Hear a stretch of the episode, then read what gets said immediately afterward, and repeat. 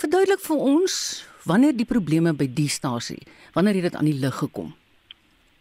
Maar dit is interessant. Uh, hier 2017-18 was die beskikbaarheid van Tutuka nog bokant, wel dit was amper 75% wat baie hoog is.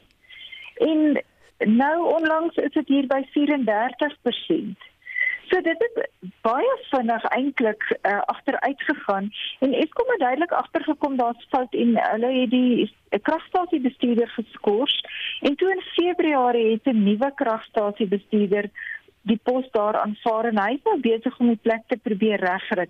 Ons was nou gister daar en hy het vir ons gewys waarmee hy besig is, wat hy daar gekry het wat regtig skokkend is en hoe hy dit probeer regkry. Wil jy vir ons vertel wat jy daar gesien het? Marita, daar's 'n klomp dinge, maar van die wat uitgestaan het is hy het foto's gewys van die as wat onder hierdie kragstasie gelê het. Nou, uh, daar word mos 'n steenkool verbrand mm. en dan is daar ehm um, as wat agterbly en die as moet dan nou met 'n vervoerband uitgeneem word na 'n plek waar dit gestoor word en dan verkoop word. Maar blykbaar as daar iets fout gaan, dan moet die hele eenheid afgeskakel word en dit moet reggemaak word. En plek daarvan om dit te doen, want dan lyk dit mos so sleg want die kragstasie is nou afgeskakel. Het hulle die werk gedoen terwyl die kragstasie geloop het, maar in die proses moes hulle die lijk oopmaak en al daai daai as dit op die grond ges, eh, of dit het op die grond gestort. En dit het regtig meters diep gelê. Nou die gevolg daarvan is jy weet dat jy aan sement vat en sien dit mos jou hand. Nou die as is ook so, dit is mm. grof en dit is dis vernietigend eintlik. Mm. Die as het oral ingegaan. Ehm um, die dreineringsstelsel is heeltemal verstop. Daar as 'n kliphard geword het soos beton. En nou het dit allerlei gevolge. Byvoorbeeld omdat die dreineringsstelsel verstop is, kan die water wat herwin moet word nie wegloop sodat dit skoon gemaak en herwin kan word. En nou gebruik die kragstasie meer water wat meer geld kos. Jy weet allerlei dit het 'n domino effek. Wat hulle nou nog mm. meer sukkel om reg te kry. Kan ek jou eerlik vra, wat is jou indrukke van die nuwe is dit bestuurder of hoof van daai spesifieke kragstasie het hy die nodige kwalifikasies weet hy wat hy doen Marita, definitief hy is al 15 jaar by Eskom. 10 jaar daarvan was hy in bestuur en oh, jy kan sien hy's 'n man wat lief is vir sy kragstasie. Hy sê ek hou daarvan om deur my kragstasie te loop. Hy kyk hoe die goed daar lyk. Hy sê toe hy daar gekom het, het daar onderdele oral rond gelê. Die hmm. plek was 'n gemors geweest. Nou is dit skoon. Ehm um, jy weet hy's iemand wat 'n passie het vir sy werk. Of jy sou nou te noem, hy het begin lontryk. Hy het gedink iets is verkeerd met die kragstasie se gebruik van uh, ontbrandingsolie. Dis die mm. olie wat hulle gebruik as die eenheid afgeskakel is en dan moet nou weer aan die gang kom. En hy het een nag daar gekom hier in April en gesien daar's vragmotors wat lyk of hulle besig is om af te laai van die olie af te laai oor te tap. En hy het gaan kyk en het hom gesê ja, ons laai af. En hy het net maar 'n foto geneem van die registrasie eh, van die nommerplaat van die vragmotor.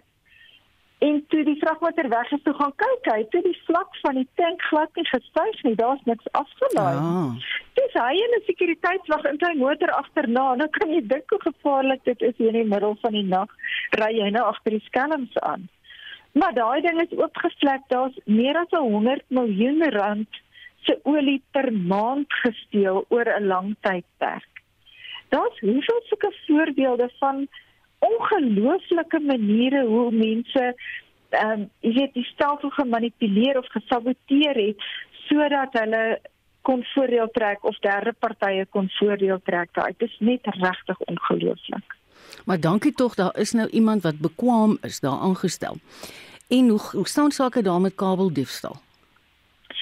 Daar was 'n probleem met 'n uh, eh, spesifieke kabels. Uh, jy weet hierdie skelms is slim. Hulle weet presies watter kabel om te steel om hulle hulle sin te kry.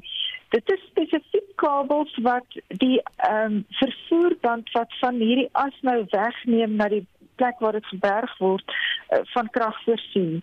Dan steel hulle dit en nou moet die as op 'n noodstortingsterrein gegooi word. Uh, dan bou daar berge as op, dan moet daar 'n mhm. kontrakteur aangestel word om hierdie as weg te ry. En sodra die berg so 'n bietjie weggewerk word, dan word die kabels weer gesteel. Nou is daar ehm um, hommeltuie wat o, baie goed. Ehm um, affære oppas. Daar's honde wat op die terrein kom. Daar is nou 'n hele klomp sekuriteitsmaatreëls. Maar jy weet 'n mens sal jou hare uit jou kop uittrek as jy dink hoe ondoeltreffend energie aangewend word. Nou moet 'n kragstasie bestuurder wat met krag opwek polisieman speel. Ja. Dit is mos net nie reg nie. Nee, natuurlik nie Antoinette. Ek moet jou sê, ehm um, ek kry die laaste tyd die indruk as 'n joernalis dat Andre de Ruyter baie deursigtige proses handhaaf. Dit elke dag media konferensies of wanneer daar 'n verskil in die beplanning is, dan hou hy die verbruiker op hoogte. Dink jy ehm um, dit is 'n goeie roete om te volg?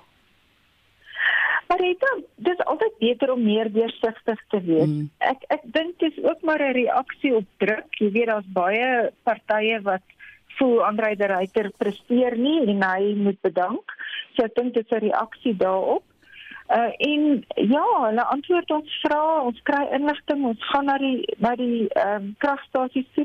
Maar dit is natuurlik ook moeilik om al hierdie goed by te woon en jy weet dit vat heelwat tyd. Mm.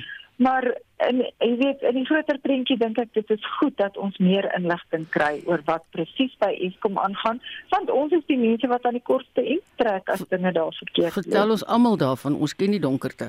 Jy weet ek dink as iemand wat 'n ervare joernalis is wat spesialiseer in energie sake en selfs 'n ondersoekende joernalis soos jouselfs en kollegas knaand dit in die media belig, dan dink ek 'n mens sterk die ruiter se hand en ons moet natuurlik ook uh, sy ehm um, prestasie krities bekyk. Jy weet hy kan ook nie altyd sê dis die mense wat voor my gekom het nie. Nee, ek hoor jou. Die minister eh, van openbare ondernemings kan nie altyd sê dis staatskaping nie.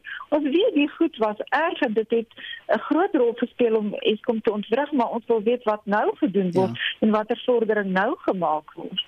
Antoinette baie dankie dat jy so eerlik geantwoord het op wat jy gister by Tutuka gesien het. Dit was Netwerk 24 se energieskrywer Antoinette Slabbert.